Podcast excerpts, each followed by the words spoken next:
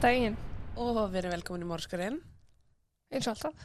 Uh, já, ég heiti Þórdís Ég heiti Jóhanna. og ég ætla bara að vinda mér beint í málið. Mm -hmm. Við erum komin til Ástralíu. Nau, langar svo að fara hanga, sko. já, ég líka.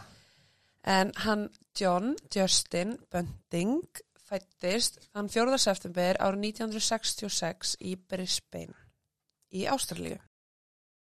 Fóreldra hans áttu ekki mikið gegnum æfina, en John elskaði að vera utan dýra, hún fannst mjög gaman að veiða skortir og bara svona lilla krútlega hluti. Grútlega. Máli ekki með til hluta. Sko, veiða skortir, mér finnst það alveg vera krútlegt fyrir utan það nema að hann alltaf átti það til að sleppa þeim í síru Já. og sjá þau leysast upp. Ok. Já. Mm -hmm. Þegar að John var 8 ára gamall þá var hann fyrir kynferðislega ofbeldi af eldri bróður vinar síns. mm. Þetta atvik breytti lífans og bara innra með honum myndaðist hatur í garð barnaninga Mm. og samkynneira. Nú, Já. Fyrir honum voru allir barnaningar samkynneir og allir sem voru samkynneir voru barnaningar. ah, ok, fara sér tráma á alla bara. Já. Allt, ok. bókstallega. Hann lauk aldrei mentaskóla og þegar hann var 18 ára gammal þá flutti hann til Adelaide í söður Ástralíu. Þar fekk hann vinnu á útfarastofu sem að sá einni um brennslu líka. Á líkum. Þú veist það líka, skilur við hann á líki. Vinnuveitandi hans sagði að hann hafi verið mjög góð starfsmöður en því miður þurftu að láta hann fara vegna niðurskurðar. Hann færði sig því frá því að brenna lík yfir að vinna í sláturhúsi og er sagður hafa gorta sig mikið á því að vera slátur af dýr. En það þótt honum það mjög skemmtilegt. Alltaf skortir að síru partíið hans. Já. Já. Á táningsaldri hafði hann mikinn áhuga á forréttundum kvítra eða white supremacy Mm. og byrjaði kjölfarið að kynna sér main camp. Um, Bara rasista hópur. já, Mhm. og þú veist, hann átti nasista fána, hann málaði hakakross skottið á bílinu sínum, var bara mjög hreinskilin með skoðanir sínar og vek aldrei ef einhver var ósamála. En þetta var bara, þú veist, eins og main camp, þannig að bara nasista Ég, sko, ég skil ekki hvernig fólk hefur orkuna í að viljandi hata einhvern x kynþátt. Uh, nei, þú veist, ég á bara nóg með sjálfum mig með að þrýfa húsið mitt og sjá um hundi minn, Já, sko. bara, þú veist, það er, það er svo auðvelt að vera bara góður við allt og alla. Það er miklu meiri fyrirhöfni í því að vera ógæslegur, sko. Eða bara hætta að skipta sér af því sem að aðrir gera. Já, það. það er rosalega einfalt að hugsa um sjálfaði hvernig þú ert og hvað þú gerir og hætta að skipta sér af því hvað aðrir gera. Ég skil ekki þess að afskipta sem ég hjá mörgum. Nei, fyrir utan það bara vera svona ógæsla vondur. Að halda að þú eigir, þú veist, Eitt réttin á. já, eigir eitthvað betra skilið að því þú er hvítur en hinn ekki. Þetta er bara, þetta er, Mhm. þetta er hugsunaháttur sem ég get ekki verið með litla líf skilið. Eða, og ég kæri mig ekkert um að reyna að skilja það, sko. Nei og sko þetta white supremacy, þetta er, þetta er líka þú veist eins og hérna, þetta er bara í rauninni forréttindapésar sem er á móti hópum samfélagsins. Mm Hvort sem þeir eru hvítir eða ekki, þú veist, af því þeir eru líka móti geðingum. -hmm. Flesti geðingar eru hvítir. Mm Þannig að þú veist, já, er bara trúar. þetta er bara að vera á móti minni hluta hóp. Já, einhverjum sem að er kannski ekki eins og þú umgunavert frá A til Ö, sko. yep. um, John hann giftist Veronica Tripp árið 1989 en yfirgaf hana fyrir Elisabeth Harvey og flutti þau inn saman á samt sonum hennar í Salisbury North í Adelaide árið 91 Á þessum tíma kynntist hann nágrunum sínum Robert Wagner og Barry Lane. Robert Joe Wagner fættist hann 28. nómber árið 1971 á Nýja Sjálandi. Í Nýja Sjálandi. Sjö ára gammal reyndi hann að fremja sjálfsvíg með því að taka svepli móður sinnar. Sjö ára. Þetta er rosaleg sorgarsaga hjá þeim sem ég er að fara fjallum. Guð minn góður. Já. Eh, hann reyndi að taka þarna söfli móður sinnar en það var eftir að fjölskyldu vinnur hafi misnótað hann. Á úlingsárum var hann mjög opinn með skoðanir sínar á white sup- supremacy og skýrði meðal hans kolpi sinn Adolf í Mm. höfuðið á Hitler. Smart. Já. Hann hætti í skóla og eitti miklu tíma heima hjá Barry nágrana sínum en Barry var dragdrottning og gekk undir nafninu Vanessa. Hann var einni barnaningur. Sorry. Not sorry. Hann tældi Róbert með gjöfum og nammi og þrátt fyrir tilrunir móður Róbert sem að halda honum í fjarlæð frá honum þá var hann undir einhvers konar álöfum. Róbert var 14 ára gamall, Barry var 31 ás, barnaningur og þeir hurfu saman, sem satt létu sig hverfa. Þeir byrtust aftur fjórum árum síðar og voru þá í ofinböru sambandi. Róbert hóf aftur samskipti við móður sína og sagði henni frá því að þeir hafi sérst farið vegna þess að þeir voru að lifa í felum til að halda sér frá yfirveldum en það var bara í barnaningur og mátti náttúrulega ekki umgangast börn en hann var 14 ára gamall. Og fjögur ár, 14 pluss fjórir, Átján átján. þá var hann komið, Ó, já. Þegar Róbert var orðin 18 ára gamall þá einmitt slökuðu þeir á og ákveða flytjinn saman í norður hluta Adelaide. Barry var með mikið sjálfströust en það setti aðra í uppnám þegar hann klætti sig upp í drag og gekk um í bleikum stuttbuksum. Hann var einfallega að draga af sér of mikla aðtikli, sangat fólki.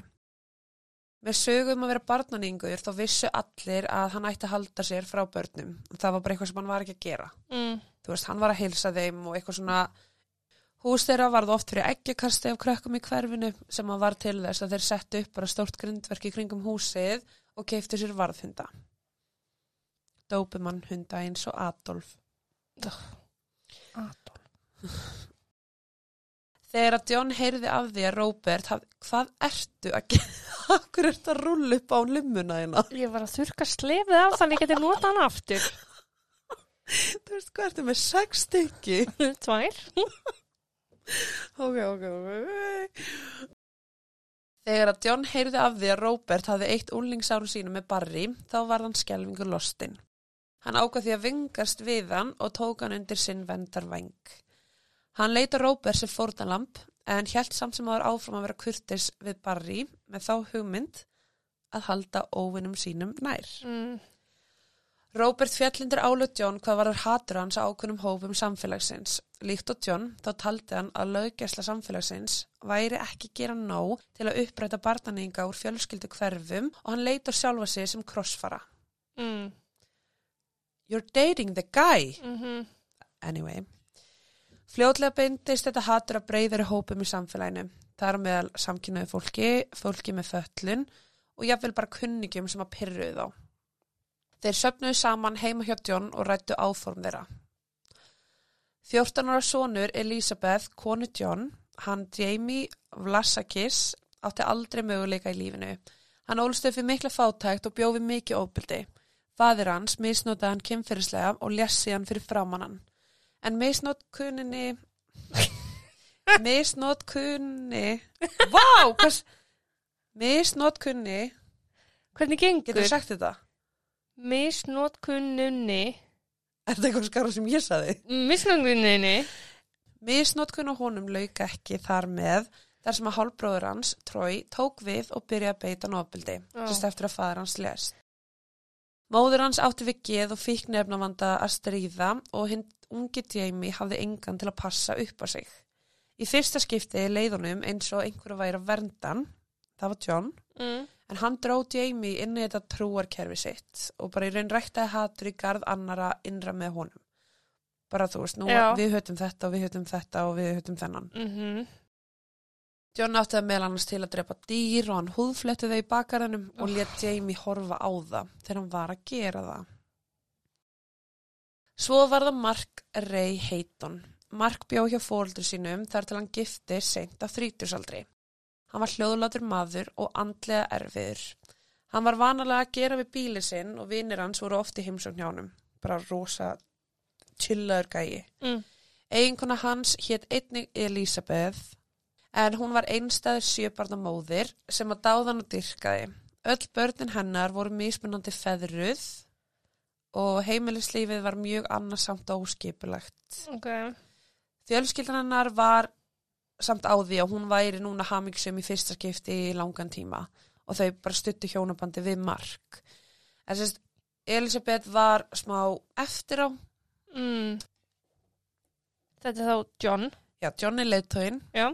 Svo komum Barry sem er nágranninn. barðan yngrin, Já. eldri, Robert, sem er kærasti Barry, Já. yngri, Svo er það sinir konu Johns, já, eða aðalega bara Jamie, Jamie, ok. Og svo núna varst að tala um Mark, Mark. sem er bara nákvæmlega þeirra. Ok.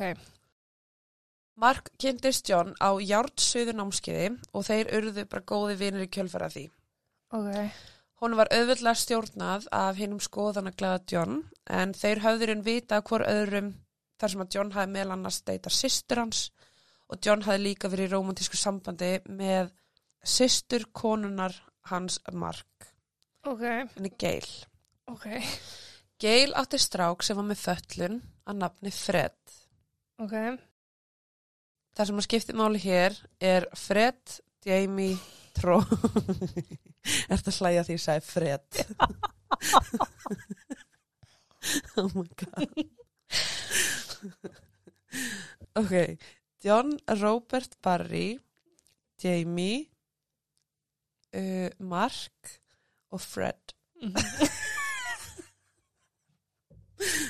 Eitt kvöldið var John að horfa á sjónvarpið með konu sinni og sin hennar Jamie þegar Australia Most Wanted kom á skjáin. Þátturinn fjallaði um óupplýst vandráp og John byrjaði að gorta sig yfir því að þetta hefði verið hans vinna. Máli var um 22 ára Clinton en leifar hans fundust í gröf á ræktuðu landi í um 30 mínuna akstursfjarlægð frá Salisbury árið 94. Clinton var drifter sem hafi búið með Barry og Roberti. Hann hafi mist allt samband við fjölskylduna sína og lifði mjög óreglulegu lífi. Hann var ofinbarlega samkynniður, eitthvað sem að 25 ára John líkaði ekki vel. Mm. Hann bað Barry um upplýsingar um Clinton og gerði upp fyrir sig að hann væri einnig barnaningur. Hann sést bara mynda þessa skoðun í haustum á sér. Mm, já, ok. Að þeim er samkynniður þá er barnaningur. Já, því hann sér náttúrulega sama sem er ekki þar á milli. Já. Stormur var í uppsiklingu og úrkynjaði hópurinn myndi fljótlega breyta saklausri stríðinni í ílsku. Barry hafi nauka Clinton og hann og John og Robert ákveðu að nú er komin tími til að losa sig við hann áður en að hann færi til örglunar. John bauð því hinn um grunnlösa Clinton í heimsók þann 31. ágúst ára 92 og meðan hann satt í sófanum þá kom John bak við hann og sló hann í höfuðið með þungum hlut. Hann óg síðan út til Lower Light þar sem hann gróf lík fyrsta fórðalamsins í grunnri gröf en líka slefna fundust tveimur árum síðar. Hann er að fara gegn öllu því sem hann trúir með því að vera með þessum Barry og drepa svo fórnalamb Barrys. Já, þú veist, hann er að hugsa um Robert, Já. Barry og Robert eru skotnir hverju öðrum, Mm -hmm. þannig að betra að halda Barry nær þér að hann er óvinnur. Og fara á sama tíma gegn öllu því sem hann trúir og heldur fram. Uh -huh. Ok. Já. Það liði svo þrjú ár þar til að John myndi myrða á ný. Mm. Næsta fórnalamb hans bjó í bakgarðinum hjá vinkunans, Susan Allen. Hinn 26 ára gamli Ray var grunnaður um að hafa misnóta börn í hverfinu, þar á meðal drengina hennar Elisabeth Hayton, konu Mark.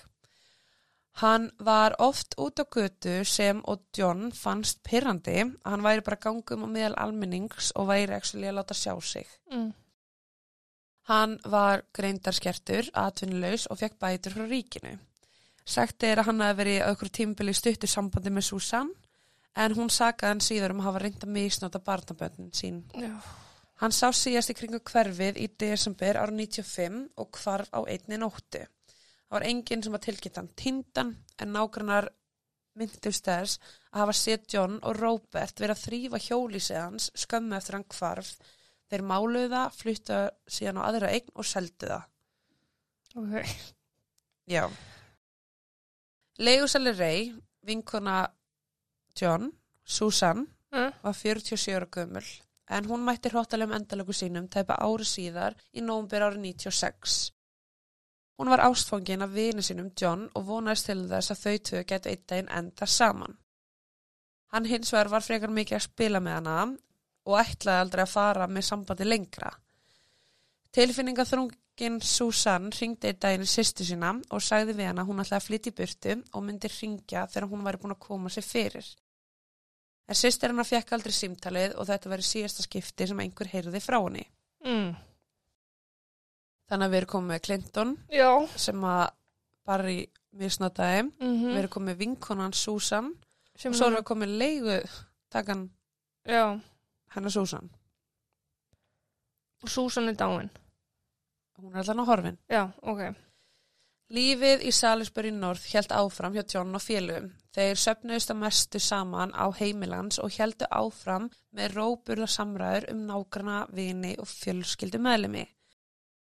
Robert átti samkynniðan vin sem að hétt Michael Gardiner.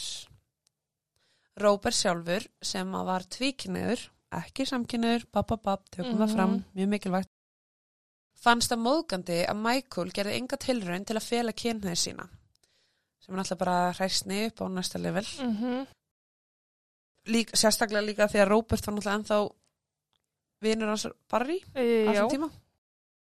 Hinn 19 ára gamli Michael bjó í sömu götu Robert og á þessum tíma var sem sagt Robert í gagkinniðu sambandi og hafði eigna son. Ok. Já, þeir sérst hann og Barry hættu saman okkur tíma, Mm hann kynntist konu, eignast mennum bad. Í september á 97 þá yfirbuguðu þeir Michael en hann hafði þólað hræðilegar pyntingar áður en hann var myrtur. Hann var meðal annars með brunamerki um allan líkama þar sem alvarlegustu meðslinn voru raun brunasár á nára. Þegar verki var gert þá neyttur frændans Fred til að herma eftir honum ringja í vini Michael, þykjast vera hann og byggja sérst um peninga og veski hans og skilriki og allt svo leis. Ok. Já. John var í raun bara að reyna að fá sér skilringin hans til að geta notaði og fengi aðgang á bankareikninginum hans Michael. Já. Þannig að nú er Michael dáinn og þeir fá Fred til að leika Michael og ringi vinn sinna, hei, getið þið komið með veski mitt? Já. Ok. Í gegnum árin var Barry sá sem að færði John upplýsingar um ba bara aðra barnaníng á svæðinu og sem suma sem voru grunaðir og fólk sem að lifði ofinbörlega samkynniðu lífi. Á þessum tímpúndi bjó hinn 18 ára gamli Thomas með Barry og átti í kynferðslegu sambandi með Barry. John ákvaða að það væri komin tími til að enda hlutina fyrir Barry. Hann hafði tekið þátt í morðun á Clinton og hann fannst hann ekki lengur geta treyst honum til að halda því útaf fyrir sig. Mm. Hinn 42 ára gamli Barry mætti örlögum sínum undir lók óttabir ára 97. Thomas, kærastinn, aðstóði John við morðið, pyntingarnar og við að farga líkinu. Þegar John fannst Thomas hafa þjónað sínu tilgangi var einnig komið tími til að útrýma honum. Já, sæll. Tómas var óútreiknanlegur og atkvað mikill í öllum samræm sem hann tók þátt í og John átti að sjá því að svo lengi sem að Tómas væri hann á lífi þá væri hætta um að glæpur hans yrðu ofinbyrir. Lík Tómasar fannst hangandi í tré í nóvumber ára 97. Dauði hans var úrskurðaður sjálfsvík Jésús. og John var aldrei grunar um það. Allan tíman lék John hamingisamlegt fjölskyldlíf með Elisabeth. Einn af vinum Jamie, 29 ára Gavin Porter, var meðal annars alltaf heima hjá þeim.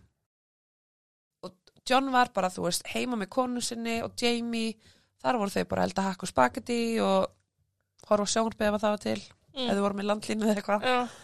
En þú veist, hann var bara, þetta var svona eins og hann var bara tvær personur Já. og hann bara elskulegur faðir og svo var hann Geðsjúklingur utan heimilsins. miklu meina það sko. Já. Já. Einn af vinum hans Jamie, 29 ára Gavin Porter, var alltaf heima hjá þeim. Hann var heroinfíkill og að mati John var hann sóun á súrefni. Þegar John settist niður til að horfa sjónvarpið eitt kvöldi, þá settist hann á eina af sérst, notuðu nálunum hans Gavin. Ó. Er tilbúin? Mm Þetta var síðasta hálmstráið. Ó. er þetta orðið eða? Ég leitaði sko ógeðslega lengi að því til að finna eitthvað sem að þér. Er það ekki? Jú. Gavin var drepin í bílnu sínum í innkyrslunni fyrir utan húsi hans John. Hann dró líkið inn í skúrin þar sem hann kallaði Jamie til að koma og skoða líflaust lík vina síns. Þegar John tók eftir því að Jamie tóku sér ekki vel en það var þetta besti vinnur hans, Mm. þá gerði John það sem hann gerði best. Hann nýtti sér aðstöðuna sína þar sem að Jamie leita á hann sem föður og lofaði að hann myndi gera eitthvað í staðin fyrir hann. Ok. Jamie hafði sér sagt John frá misnótkunninni sem að hann hafði orðið fyrir sem úlingur af hálfbróðu sínum Troy sem ég fjallaði um fyrst. John hafði því ákveð að henn 21 árs Troy hefði þurft að gjalda fyrir það sem hann gerði Jamie. Í ágúst ár 98 fóru John, Robert og Jamie heim til Troy og fund hann sofandi í rúminu sínu þegar þeir hófu árás. Þeir sett hann í baðkar og pyntuð hann. Þeir krömdu tærnar á hann með töng, eina af annari og brendu líkamann sem er rafstuð tæki. Jamie horfði á þegar hálfbróður hans baði miskun og gerði ekki neitt. Mm. Robert og John bundu enda á sásugans með því að kirkjan til dauða í baðkarnu. Og John er í raun að gera þetta hjálpaði mér að drepa vinðinn og ég skal drepa hálfbróðin í staðinn. Þú veist, þetta er svona tveir fyrir einn, happy hour. Mm What? Ekki til lagi. Nei. Næsta mánuð hvarf 18 ára Fred Brooks. Mm. Hann hafði hjálpað John og vinum hans að fá aðganga peningnum hans Michael. Hann alltaf ringdi hérna stórstur vinnurinn. Svo hann hafði raun þjóna tilgangi sínum. Samkvæmt John. Til að réttlæta morðið á Fred þá sagði John öllum að hann væri barnanýðingur. Mm. John hafði verið með memmans um stund svo hann hjælti fram að hann vissi hluti. Já. Það var hins vegar ekki rétt. Fred var andlega fatlaður og meinlaus. Mm. En þegar John setti merki miða á eitthvað, þá dróð vinur hans ákvörnina hans aldrei í efa og gerði bara nákvæmlega þar sem þeir þurft að gera. Fred var brendur með síkaretum, tærnar hans voru kramdar með töng og morðingir hans setti stjörnuljós á getnarleim hans og horfði á það brenna út. Og sko stjörnuljós, ég seti svona spurningamerki við það, ég held að þetta sé meira blís. Já. Af því eitt stjörnuljós, þú veist, tveggjur og börn halda á stjörnuljósi, sko. Já, náttúrulega ekki gert þess að koma inn í tippi, sko. Nei, nei. Ég ætla rétt að vona að það standa ekki um bónum, sko. En, allavegna, morðin voru orðin tíðari núna. Fred var sá sjötti á einu ári. Já, sæl. Í óttabir ára 98 var komin tími til að finna næsta fórnalampið. Gary O'Dwyer, 29 ára, varð fyrir því óláni að kynnast John.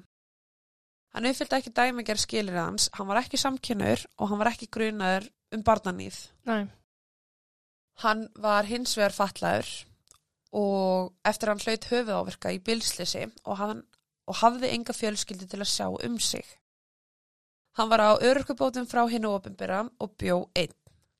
Allir þessir þættir gerðan raun að auðveldu skotmarki. Mm John hjælti fram að Gary líti út eins og Troy, hálfbróðurinn, og það væri nóg til að innsigla örlugans.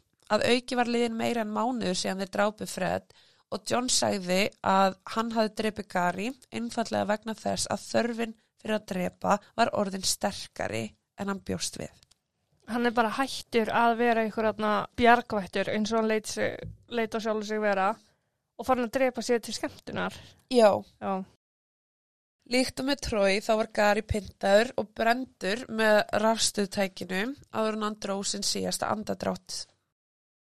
Á þessum tímapunkti var fjöldi fórnalampa tíu og þeir voru að verða búnir með alla barnanýðinga og samkynnið á sæðinu.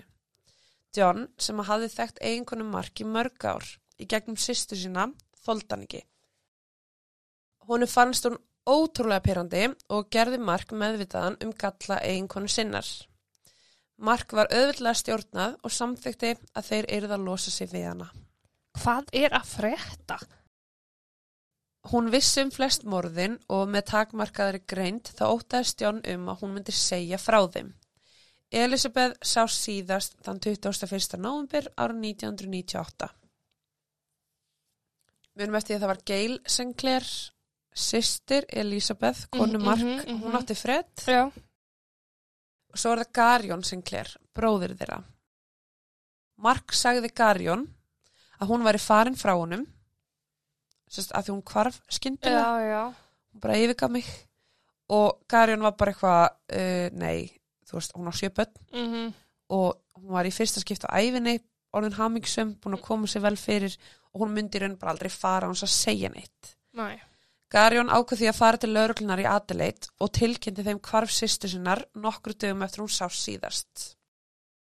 Garjón sagði lauruglunni að Mark hafi sagt honum að Elisabeth hafði stóli peningum af reikningi sem að Mark átti með föðu sinum og stungið af með einum af kærastanum sínum.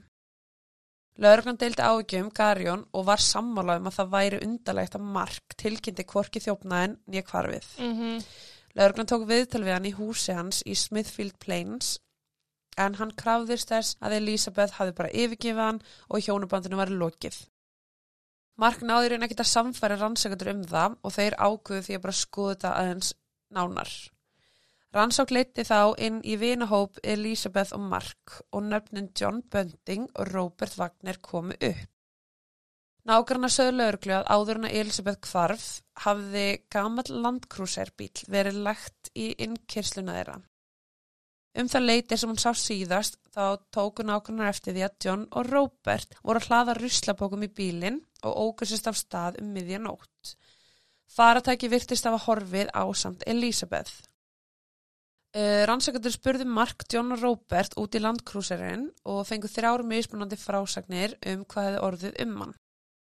Þrátt fyrir að hafa leitað á öllu svæðinu og mögulegum stöðum sem að bílinn geti verið á, þá fannst hann hvergi. Mm. Og þá er í raun ekkert þetta að gera. Já. Eftir morðið á Elisabetu þá hætti morðin um stund, hugsalega vegna þess að lögregluransókn var til staðar og þeir náttúrulega bara hrættir. En John og Robert voru samt sem áður ekki búnir enn. Sex mánuðum síðar handvöldu þeir annan fjölskyldumælim. Að þessu sinni var að 24 ára David Johnson, fóstubróðir Jamie Blasakis. Þann 9. mæ ár 99, sagðat fyrirmælum John, þá tældi Jamie hann til sín og bauðst til að keira hann til að hitta mann sem var að selja tölvu. Hann vissi að David vildi kaupa tölvu og John og félagar sögðu hann frá góðu tilbúði í litla sveitabænum Snowtown. Ok. Snowtown er staðsettur um það byl 1,5 klukkustundar aksturs fjarlæðar frá Adelaide. David var snirtilegur ungu maður sem vildi gerðnan forðast vandraði. Hann var staðræðan í að gera eitthvað úr sér og þess vegna vildi hann kaupa sér tölvu. Þegar David kom að ónýtum banka og aðalslóður Snowtown átti hann sig á því að það var engi tölv á staðnum og þetta hafi verið gildra. Hann skalfa fræðislu og fór eftir öllu sem að árásamennir hans báðan um að gera. Hann gaf um hraðbankakortið sitt og líkilorðið. Robert og Jamie fór í hraðbankan í nærlikjandi hverfi til að prófa kortið og skildu David eftir með John. Þegar þeir kom tilbaka var David látin. What? John og Robert voru tilbúin til að gera meira úr þess en vanalega. Þeir fjarlægði hluta af líkama David og pökkuðu því inn í plasthanska.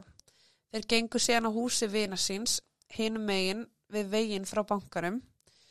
Þeir sögðunum að þetta væri kengurkjött og notuðu eldúsvinarins til að steikja það áður en að það var borðið fram í þremum skömmtum. Vinurinn held í fram að hann hafði ekki hugmyndum að hann væri að neyta mannakjött. Þetta vona ekki. Nei.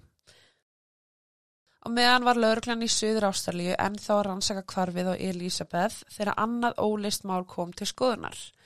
Þeir komist að því að Clinton var einnig tindur en síðast að vitað að heimilsfangi hans var það sama á Roberts en hann hafði horfið árið 92 og hafði aldrei verið aftur í sambandi við vini eða ættingja. Hinn íbúi húsins, Barry, var einnig horfin. Barry var náttúrulega ekkit ókunnu lauruglu vegna fyrir sagfellingar hans og Mhm. þegar hann hvarf þá var hann atvinnulegs og lifið á bótum.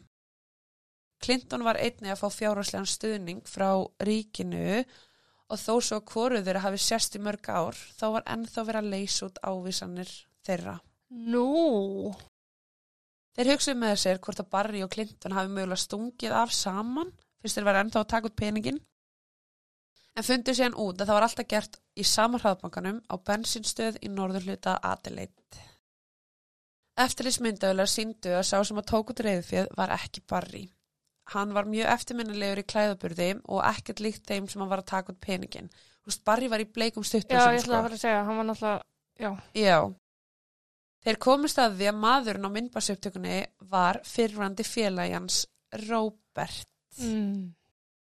Lauruglan ákvaða að hafa eftirlit með honum áður að þeir yfirhyrðan og sáu að hann eitti mestum tíma sínum með John. Á sama tíma var lauruglan að endurskoða öll óupplýst mannskvörf í söður Ástralíu. Já, sæl. En eitt týndi einstaklingurinn sem að tengdist John og Robert var vinkonans Susan Allen.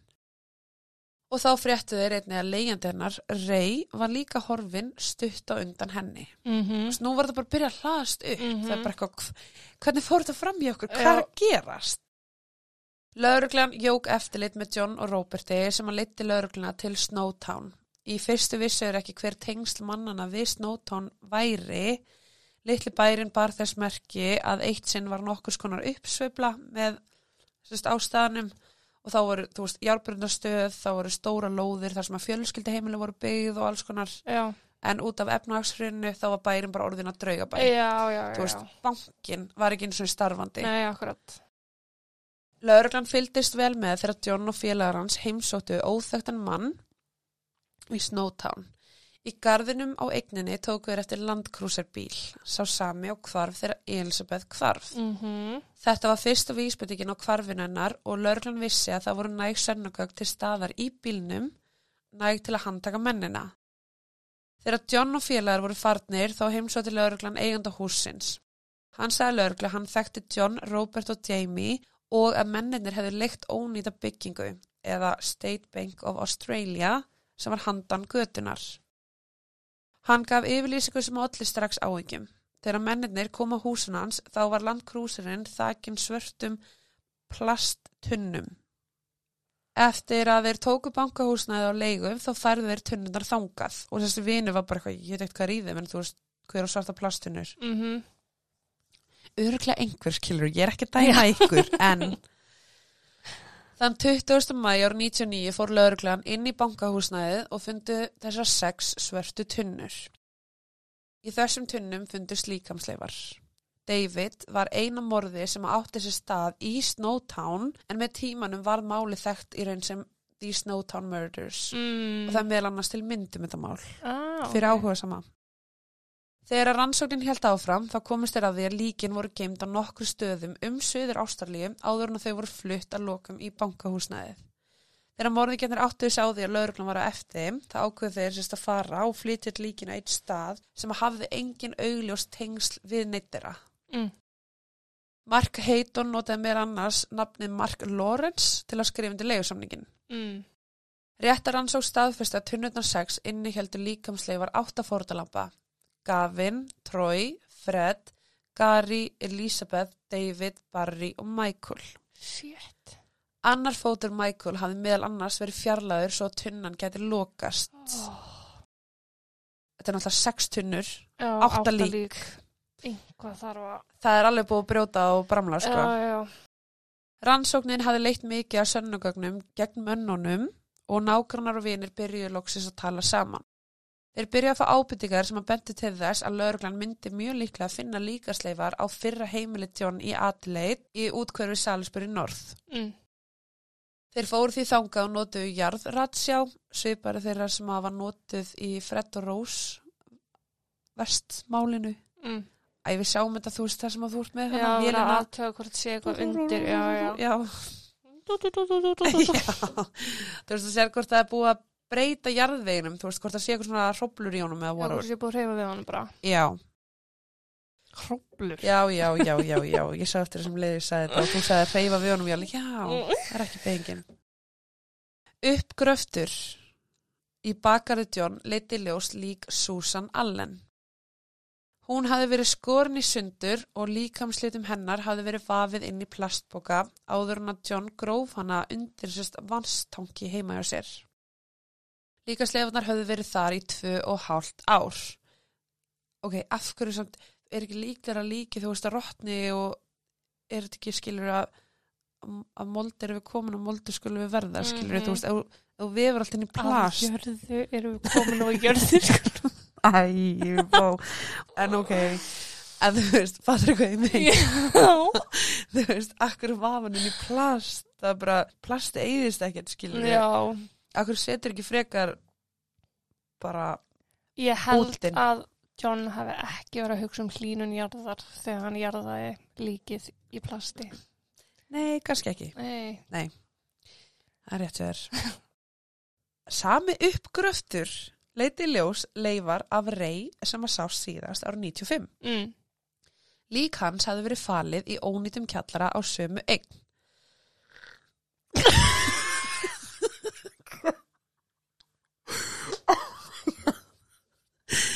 Þetta var svona eins og hann að sprengjuísin. Já.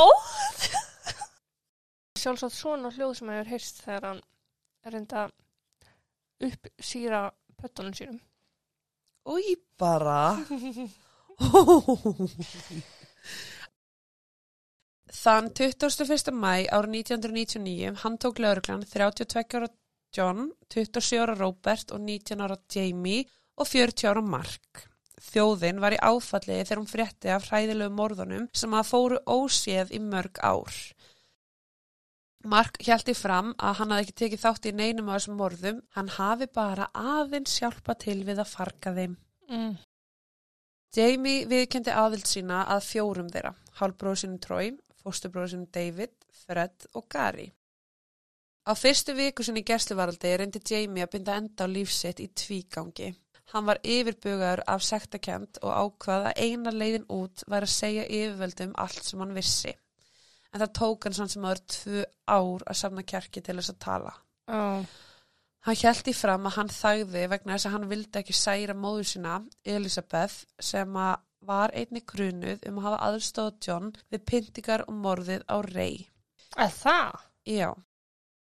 Jamie sagði að hann hefði tekið þátt í þessu morði því ef svo væri ekki þá hefði John líka drepið sig.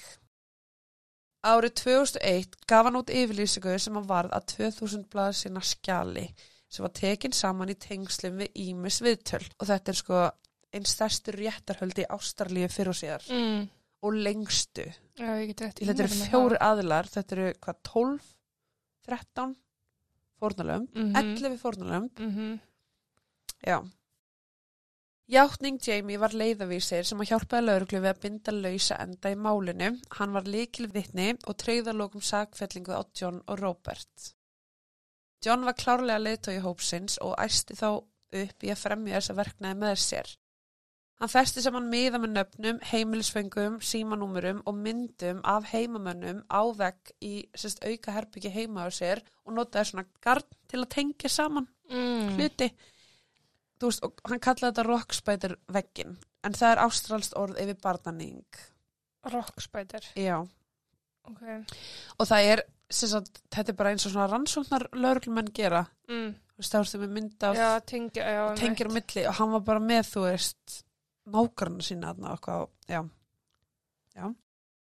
Alltaf þegar hann fann fyrir innblástri þá hafði hann valið mann á vegnum bara svona úlindunum dofnánast Mm. Og ringt í hann nafnlaust til að vara við að þeir myndarloku fá það sem þeir ættu skilið. Þannig hver skipti sem einhver árun einhver var drepin, þá ringir hann og segir, þú mynd fá það sem þú átt skilið. Mm. Í vitnisspurðu sínum lísti Jamie raunverulegum hryllingi glæpana með því að segja lauruglu frá því hvað M.O. hópsins væri. Modus operandi. Já.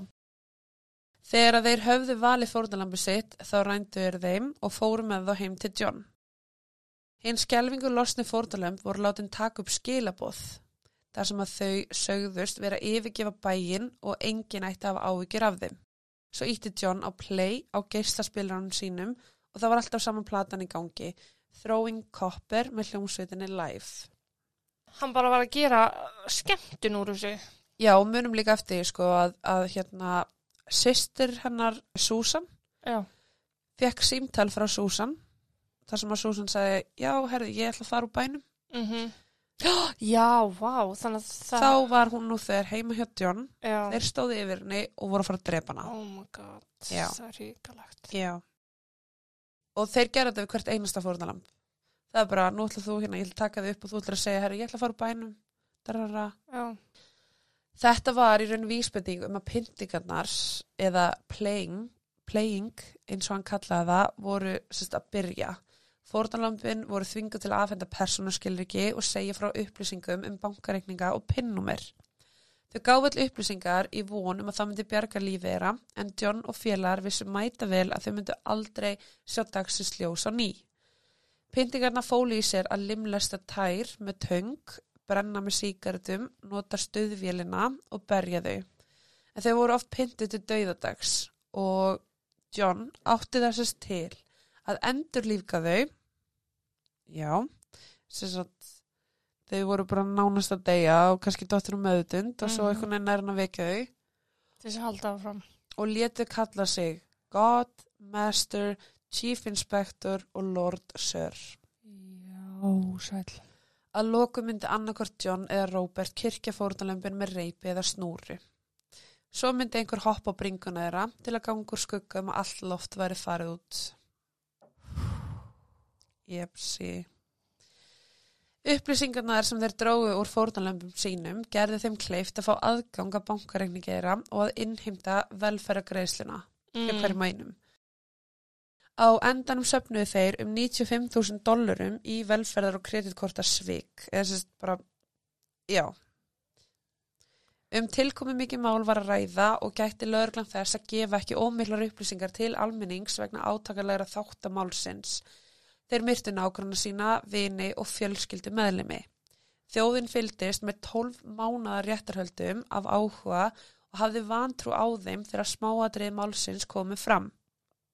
En eins og sagði hann, þetta voru lengstur réttarhöld í sögu, Ástrali, já. já, og það var mjög mikið fjallað um í fjölmiðlum. Mm. Á meðan þeim stóð voru þrýr dómarar sem að fjallu frá málinu. Sem sagt, vegna þess að þeir voru bara ófærir um að ráða við þessar hræðilegu upplýsingar. Vegna þess að þeir eru dómarar átt að sjá allt og heyra allt og Mhm. vita allt. Og það, voru, það var þrísvar sem að þurfti sérst að byrja réttarhöldinu upp á nýtt af því að dómarar var bara, ég geti þetta ekki, Nei, ég þarf að fara. mikið skilja dómarna vel. Já, og það var svipa með kvið, hérna, með kviðdóm að veist, þeir sem að endust í kviðdóm, þeir Já. þurftu bara að fá sko ráðgjöf og sálfræði hjálp eftir réttarhöldin. Því að hver einasta mynd, hver einasta lýsing, hver einasta hljóðupptaka, Mhm. allt saman. Shit. John og Robert vildi ekki taka upp vörn í málu sinu og notuðu þagnarétt sinn í staðinn. Á meðan að réttarhöldunum stóð náði lörglan upp mörgum hljóðsnældum.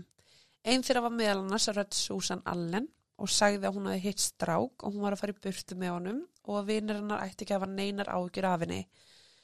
Og ég sagði, þetta er nákvæmlega sem er skilabóna sýsterinnar fjekka þegar hún hvarf. Þeir komist af því að einhver hlita hafa hringt í hana og spila upptökuna í gegnum síma. Já, sérst, hún hafi ekki sjálf. Nei, Já. þeir tók þetta upp. Aðrar upptökur voru indi staðar þar sem að fórnalömpin voru pyntuð, þess þeir tóku upp pyntingarnar og öskrin og allt. En það var meðal annars spila fyrir réttinum og fjölskyldur þurfti að sitja í gegnum erfið endalok og heyra ókveikjandi síðustu stundir ástvinna sinna. Ói, brasta. Upptökunar þóttu of átakarlegar til að vera gerðar ópenberar og þær hafa aldrei verið gerðar ópenberar. Nei, ég hugsa bara að það sé ágætt. Já, þetta er bara eins og með hana toybox killer og toolbox killer. Já, Þú veist, það er upptökur það sumt er bara ekki fyrir almenning að sjá. Nei, svo líka upptökunar, sko eins og með það, upptökunar eru ekki ofinberar, Mm. en þú getur séð transkrift Já, og þú getur sagt hlustað á leikna upptöku af, sem sagt þá er einhver annar búin að Mhm. lesa inn á, en upprunlega upptökunar, ég held, ég er nokkuð viss um að þú getur ekki hlustað á þær. nei. Í desember ára 2003 var John sakveldur fyrir 11 morð og Robert fyrir 10. Hins vegar viðkendi Robert að hafa einungis tekið þátt í þremur. Hann gaf þessa yfirlýsingu fyrir dómi og reynda réttluta gjörði sínar með því að segja að þessir barnaningar áttu þetta skilið fyrir það sem að þeir höfðu gert. Yfirveld gerðu ekkert til að fyrirbyggja það að þeir myndu búa í fjölskyldu hverfum þannig að hann ákveða að grípa sjálfur til aðgerða. Ja, þú veist, Ekki innan þíns verkaring. alls ekki sko og líka bara Utan það að þetta voru ekki allt batnan í einhver sko. þetta voru litli tveir Mhm, sem að voru batningar hinn voru bara samkynniði menn sem að gerðu honum ekki rask mhm, Og konur sem að hjálpa honum og þú veist, einmitt. Jamie var fundin segur í fjórum ákærlegum fyrir morð og var dæmdur með fjóra lífstæðadóma án reynsluleysnar í 26 ár er það eini dómur sem það fekk? Jamie, Já, já. Ok.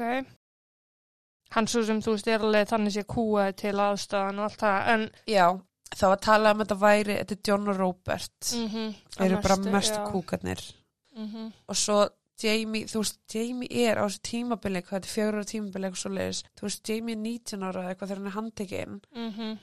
þú veist, hann er bara bad. Já, algjörlega. og er allt í hennu, þú veist, látin myrða vinsinn eða gera eitthvað við vinsinn Það er allan að vera að taka tillit til þess, skilju, tillit til aðstæðana.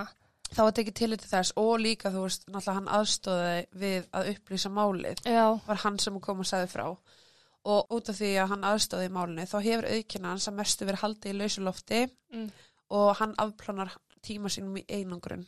Oh, já, en það er honum til sem sagt, Já. vegna þess að hann er drepin á tveim sekundum, Mm. skilur En í einangrun það er mann skemmandi, sko. já en ég minna pældi í, þú veist, þú ferði fangilsi sem barnaningur og allir hata þig þú ferði fangilsi fyrir að drepa barnaning og þú ert kongur Mm ég held að Robert og John sé ekkert eitthvað að lifa slæmu lífi, sko Nei. to be honest. En í mörg ár var þáttaka Mark Hayton ráðgöta en síðar kom í ljós að Mark var sá sem að leiði bankan í Snowtown í janúar ára 99. Hann aðstóði við förgun líkana að eigin sögn en hlutverk hans er í raun enn óvitað. Hann var fundið segur fyrir að hafa aðstóða við fimm af morðunum, sérst við förgun og líki, og hann viðkendi að hafa aðstóða sérst tvö af þessum fimm sem hann var segur um eiginkona hans Elisabeth og hálfbróð Jamie Troy. Hann var dæmdur í 25 ára fangilsi og að minnstakosti 18 ár án reynslu lausnar. Engin var fundin segur fyrir morðu á Susan Allen þar sem að dómarinn gati ekki komist að niðurstöðu. Það var sérst að hung jury. Mm. John og Robert fullirtu að hún hefði látist úr hjartaáfalli og þeir eru einungis farga líkaslegum hennar til að komin aftur í jörðuna þar sem hún kom frá. Það voru ekki næja sannanir til að sanna annað. Þó að Mál Susan hafi aldrei verið tekið fyrir aftur er almenn trú að hún hafi verið sérst, eitt af fórtunlefum John og það er í rauninni meira en sannað með þessum upptökum en þessar upptökur samt sem áður segja heldur ekki mikið. Nei, Við vitum öll hvað gerist, lögreglan veit hvað gerist, en það það er ekki að sanna það. Ívan Mílat er meðal annars þekktur raðmorgi ástralíu en hann var dæmdi fyrir sjömorð sem að gera John og félaga þá afkastamestur raðmorgi í ástralíu. Hrillingurinn og neyxlið vegna glæpana lokkaði marga forvitna ferðamenn til Snowtown. Íbúi rættu saman um að breyta nafnin í Rosetown en það var aldrei neitt úr því. En þú veist þessi bær varðir en samheiti yfir morðin þar sem að þau eru kölluð The Snowtown Murders trátt fyrir að flest áttu sér stað í Salisbury North. Já, Bara út af því að bankin og leifarnar voru geimdar þarna, mm -hmm. og, og líkamsleifarnar. handtökunan náttúrulega er að gerast. Já, og þú veist, íbúar sem að búa þarna eru bara, Já, já. Bankin var seldur og eigundin er gerðan að sapni til að minnast þess sem að gerðist þarna. Hús John á Waterloo Corner Road, þar sem að lík Susan Allen og Ray Davis fundust, hefur verið rifið. Vegna eðli morðana voru meira en sko 250 svona suppression orders gerðar en það er þegar dómstól tekur ákvörnum að það sé bannað að byrta ákvörnar upplýsingar eða sönnugögn sem að tengjast málinu. já, Þannig að sérst, eftir málið voru, var búið að banna að byrta 250 myndir, eh, mynd, eða, þú veist, eitthvað, já. já. sem að tengdust málinu. En árið 2011 aflétti dómari þeim fyrirskipunum sem eftir voru og framlegendu kvikmyndarinnar Snowtown fengur sérst aðganga hróttalegum sannleika í rannsóknarskinni. Þannig að svo mynd, hún heitir The Snowtown Murders, Mm. eða Snowtown, þeir sem að byggja hana til eru bara með allt sem að gerðist nákvæmlega. Ég mæla alveg með að horfa á þessu mynd eins og ógislegt þetta er, Já. en þú veist, er líka, þetta leikinmynd eða bara, þetta er leikin mynd. Já, ok. þetta er ekki svona fræðsla eða þú veist heimildumynd. Nei. Barnanýð var raunverulegt og alvarlegt vandamál í hverfunum þar sem að John bjó. Í umhverfið þar sem að viðkomir þegnar samfélagsins þurft að sjá, hitta og eigi samskipti við aðela sem hafa broti á sér. Robert og Jamie voru allir fórnalöfum misnótkunnar. Undir stjórn John þá leið þeim eins og þeir væri leiðir rángleitið sem þeim hafi verið gert. Í huga þeirra voru þeir að koma í veg fyrir það að aðri hlýtur sama skada af eða sömu örlög. Hins vegar höfðu mörg fórnalampa þeirra aldrei skadað neitt. Mm Þeir þorðu samt sem áður ekki að standa gegn John þegar hann valdi fórnalömpin. Hann þokaði líka út mörkin millir barnaninga og samkynneira því fyrir honum var þetta alltaf sama. Og svo voru þessi tilfellandi fórnalömpi svo Elisabeth konunars mark -hmm. bara því hún var pyrrandi og Susan Allen veist, sem að elska hann, skilur við. Já. Robert og John sögust vera krossfarar gegn barnanýðingum og það hafi verið eina ástæðan fyrir morðunum. En í raunin var það bara afsökun af því að að lokum reyndist að vera fjárhæslegur ávinningur sem var sterkasta Já. ástæðan fyrir þessu. Og þú veist, þessi sat, satista þáttur Mm. sem að tengdist, eða sem að þeir gerðu í morðunum Mm, var í raun bara partur af því að þeir voru að leika sem er fórðalömpin já, en þú veist, í raunin var þetta það að þeir vildi fá peningin, já. peningur sem að skipti máli þetta með að vera barnaníkur eða samkynniður, þú veist þeir voru að pinpointa konunars mark Mm hún er kvorugt sko Já, þetta var bara til að hagnast af velferðar greiðslunum að ekki. Jú. John Bunting notaði leiðtóa eiginleika sína til að taka stjórn á hópi tindras á hópi tindra og veikra einstaklinga. Hann let þeim líða eins og það væri verið að gæta þeirra og vernda þá og í rauninni bara náði að gera svona ákveði bara tröst á milli þeirra. Mm, Það var bara, ég er eitt fyrir ykkur. Þú veist, þetta er í raun bara svona smá eins og sértrúasöfnur já. þar sem að hann er bara leiðtogi og allt í hennu eru þeir að gera allt sem hann gerir af því hann er bara guðin. Mm Hann vissi að félagar hans voru niðurbróttir einstaklingar og hann vissi nákvæmlega hvað hann var að gera. John. Já. Já, það var máli búið. Sæl. Já, Þetta er hrikalegt. sæl. Þetta var Clinton sem var dreipin fyrst. Þetta var Ray. Þetta var Susan, vinkona hans Jones. John. Þetta var Michael, þetta var Barry, þetta var Thomas, þetta var Gavin, þetta var Troy, þetta var Fred, þetta var Gary, þetta var Elizabeth og þetta var David. Og sko til dæmis tveir af þessum aðilum, uh, allavega einn af þessum aðilum er uh, trans, Já. þannig að þetta er náttúrulega líka bara að koma út í, og var náttúrulega að koma út í haturskleip frá byrjun, sko. Mhm, Frá upphæðilega enda. Já, og náttúrulega, uh, ég hef lítið við þetta bæta, Já, Þannig ég er að- bara að melta því líku viðbjórum aður. ógeðslegur viðbjör, sko. Það er með líka, þú veist, að láta ekki duga að myrða viðkomandi heldur þurfa að búta niður og elda einn ána, láta annan borðan, veist, þetta er, þetta komið út í svo óbúslega mikinn sjúkleika. Já, líka bara, getur þú ímyndaðir að vera þessi vinnur og svo bara ert þú, vaknar og heldur áfram í daginn þinn, farið kaffibólla, ertu að mæti vinnuna, lest kannski fréttinar eða blöðin og svo bara hérna, John Robert ákjörðir uh, liti vinn sinn geta mannakjöld Mhm. og þú ert bara hérna, Trúlega skramsæta í dag. þú veist, ég veit ekki hvort ég gæti, ég geti kjöta aftur eftir Nei. þetta. Ég myndi ekki treysta neinum. Mm -mm.